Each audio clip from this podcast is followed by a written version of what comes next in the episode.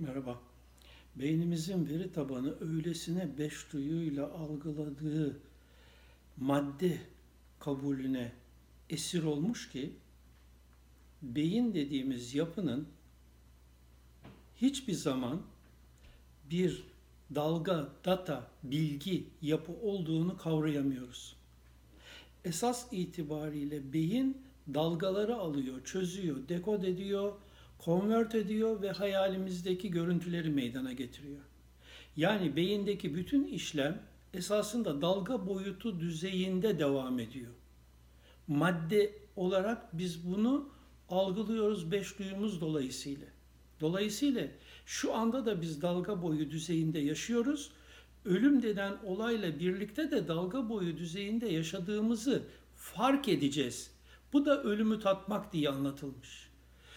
İşte bu sebepledir ki bütün yaşam esasında ya eskilerin tabiriyle ruh boyutunda ya da bugünkü deyişle dalga boyutunda devam eden bir yaşamdır.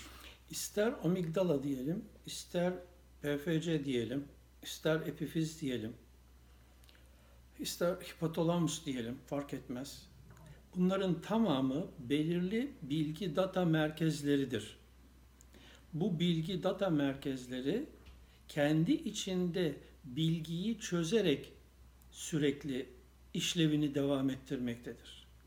Biz olayı madde boyutuyla, madde algısıyla devam ettirdiğimiz sürece beynin gerçekte ne olduğunu anlayıp çözemeyeceğiz.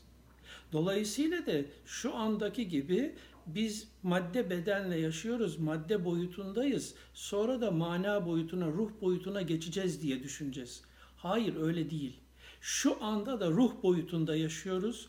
Yani dalga beden, dalga beyin boyutunda yaşıyoruz ve bu dalga beyin, dalga boyutunda yaşadığımızı daha fark edecek, açık seçik yaşayabilecek bir hale geleceğiz ölümü tatmak denen olayla birlikte.